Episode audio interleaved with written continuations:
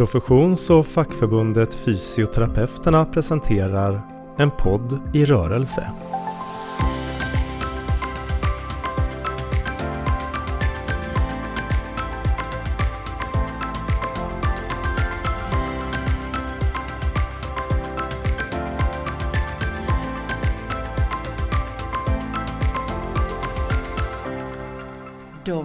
Prata med Maria Bjerstam som är fysioterapeut sedan många år tillbaka och som arbetar som tjänsteman inom Region Skåne.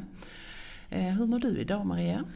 Eh, jag mår bra, tycker jag. Eh, jag har väl ingenting att klaga på överhuvudtaget. Nej. Faktiskt. Vad skönt. Vad Jag fick skönt. en härlig promenad från stationen och hit. Så att, det är väl skönt när man får lov att promenera Ja, ja. innan man kommer till jobbet. ja, precis. Det är inte det sämsta. Nej. Eh, Du jobbar ju, del, del, del av din tjänst jobbar du inom Innovation Skåne. Vad, vad är Innovation Skåne för någonting? Eh, Innovation Skåne är eh, Region Skånes helägda innovationsbolag eh, som jobbar med att eh, öka innovationen i Region Skånes verksamheter. Då pratar vi inte bara hälso och sjukvården men naturligtvis är det den stora, stora delen. Men vi jobbar ju även med eh, eh, delar som riktar sig mot regional utveckling eh, för att få fler företag till, till Region Skåne och också även mobilitet som faktiskt också har med fysioterapi att göra. Mm. Där jag bland annat också har lyft det, saken att när vi pratar mobilitet måste vi in den fysiska mobiliteten också, inte bara prata att vi ska ta oss fram med, med hjälpmedel med bilar och tåg och så utan att man tar in den fysiska aktiviteten också i mobilitets delen. Eh, så att det, det är våra stora eh, delar. Men som sagt hälso och sjukvården är ju det stora. Eh, och det handlar ju väldigt mycket om att dels har vi en del, del av företaget som jobbar med anställdas idéer. Där anställda i Region Skåne kan skicka in om de har en idé på något förbättring som de ser inte finns. Och då kan den här eh, enheten hjälpa till att göra en liten research och säga att finns det här på marknaden någon annanstans? Det kan ju vara så, bara det att man inte har koll på det. Eh, Men också om det är så att det inte finns så kan de då kanske koppla ihop med något företag och så. Och sen kan man ju också utifrån den idén utveckla ett eget företag om det är så. Mm. Genom att, att få stöd i den processen rent juridiskt och så vad man får och inte får lov att göra som anställd och så vidare. Så att det är en del och i den delen jag jobbar med så kallar vi det för innovation management eller innovationsstöd. För det är ju många gånger så i en väldigt komplex organisation att man har en idé och man vill dra igång någonting och göra någonting som kanske är lite större. Eh, det kan ju vara inom IT till exempel. Och då är det väldigt många delar som ska in. Det handlar om eh, IT naturligtvis, det handlar om inköp, det handlar om eh, eh, hur man får lov att handla in saker eh, och vad det är som gäller där och eh, kontakter med IT och var ska jag vända mig och, och de här bitarna. Så det är ju mer när det gäller produkter och Mm. tjänster. Men det kan också vara till exempel Eh, vi har ett stort projekt nu där vi tittar på stroke till exempel. Att vi, man ska förbättra eh, processen från det du känner ditt första symptom till att du faktiskt kan få en bra behandling. Med tanke på att idag har vi väldigt bra behandlingar för en stor del av de som drabbas av stroke. Men vi har ett tidsfönster som vi måste förhålla oss till.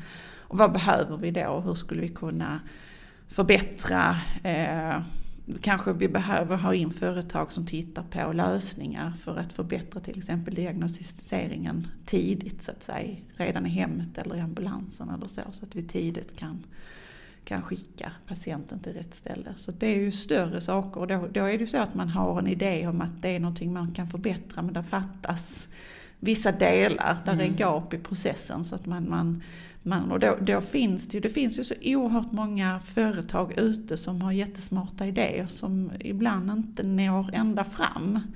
Eh, och vi har också många företag som står och knackar på och vill, vill närma sig vården för att faktiskt vidareutveckla sina idéer och, och göra det tillsammans med vården. Och där spelar vi också en stor roll eh, i någon form av testbäddsverksamhet.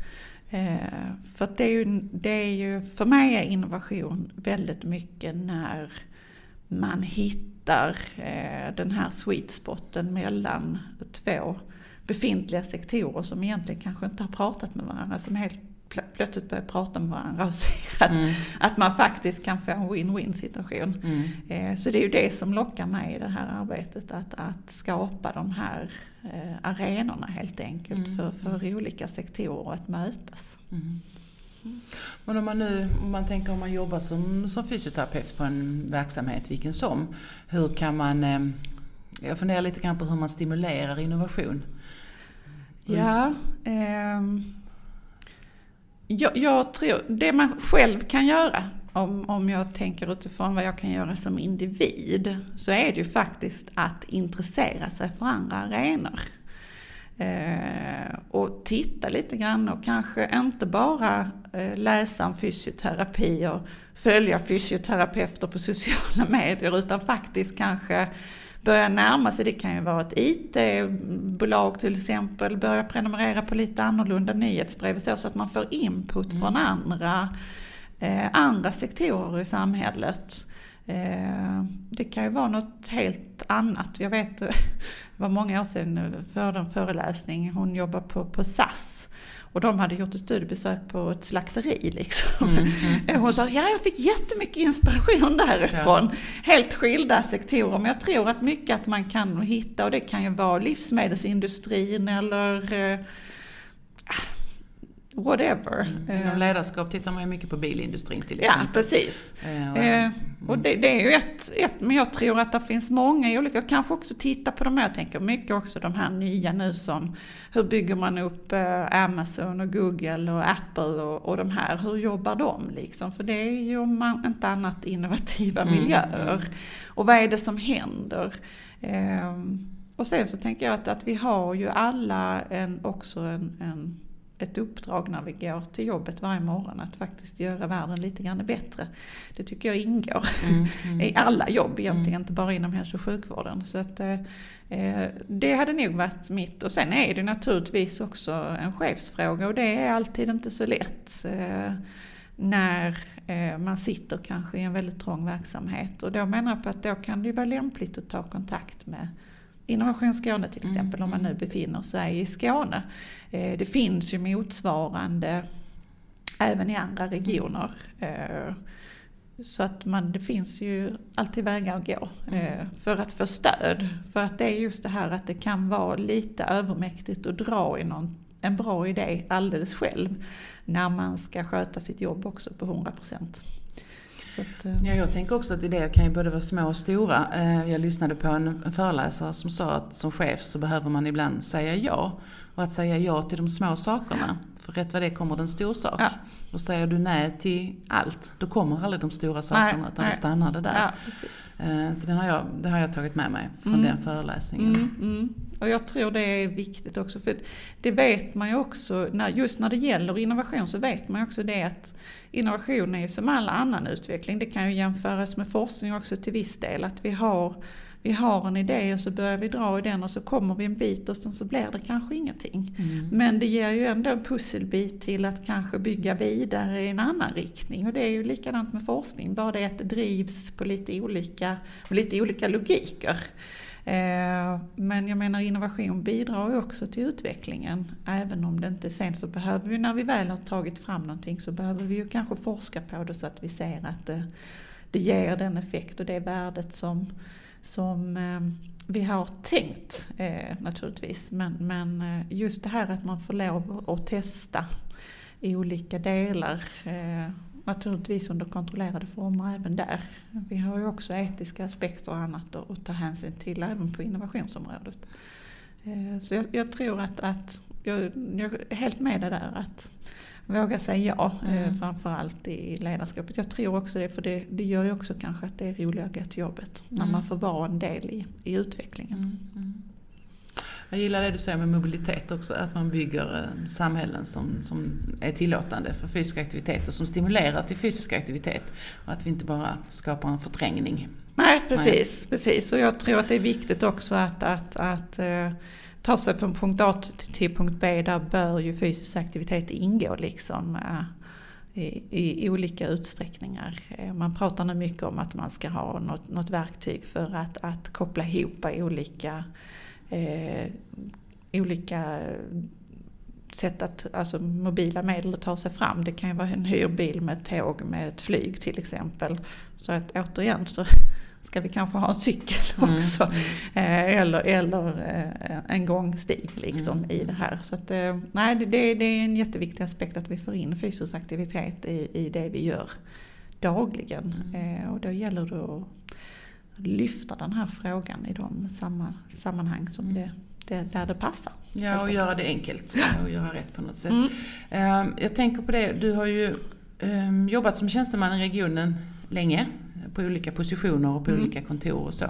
Ehm, men är fysioterapeut. Vad är det som gör att du tycker det är viktigt att fysioterapeuter är på andra sidan också, om nu ska säga så, eller på tjänstemannasidan?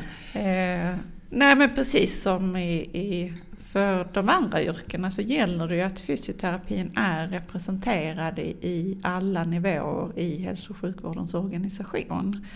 Eh, för vi behöver, det är inte självklart att man tänker fysioterapi. Och sen är det ju så också att man kan sitt eget, sin egen profession och sitt eget yrke. Eh, med all respekt naturligtvis.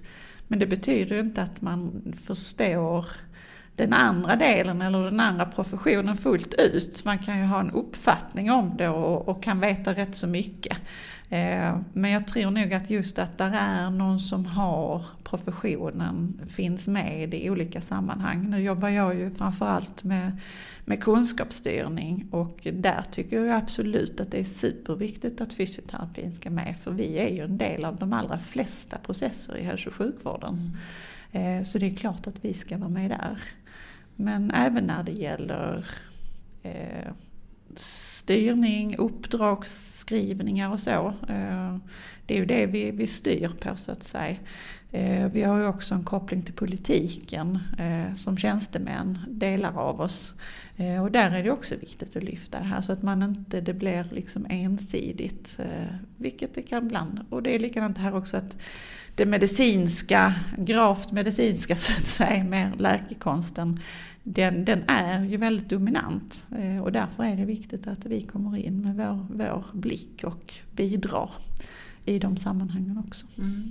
Du berättade att du hade tre mantran när du skulle vara med i arbetsgrupper och projekt och så. Ja, ja. ja jag, jag återkom till dem eh, ständigt. Eh, Eh, dels är det så att ibland så kan man väl känna fortfarande att det är lite mycket, könsfördelningen inte alltid är helt rätt. Så det var väl ett av mantrarna att vi kanske ska ha med lite mer kvinnor i denna gruppen.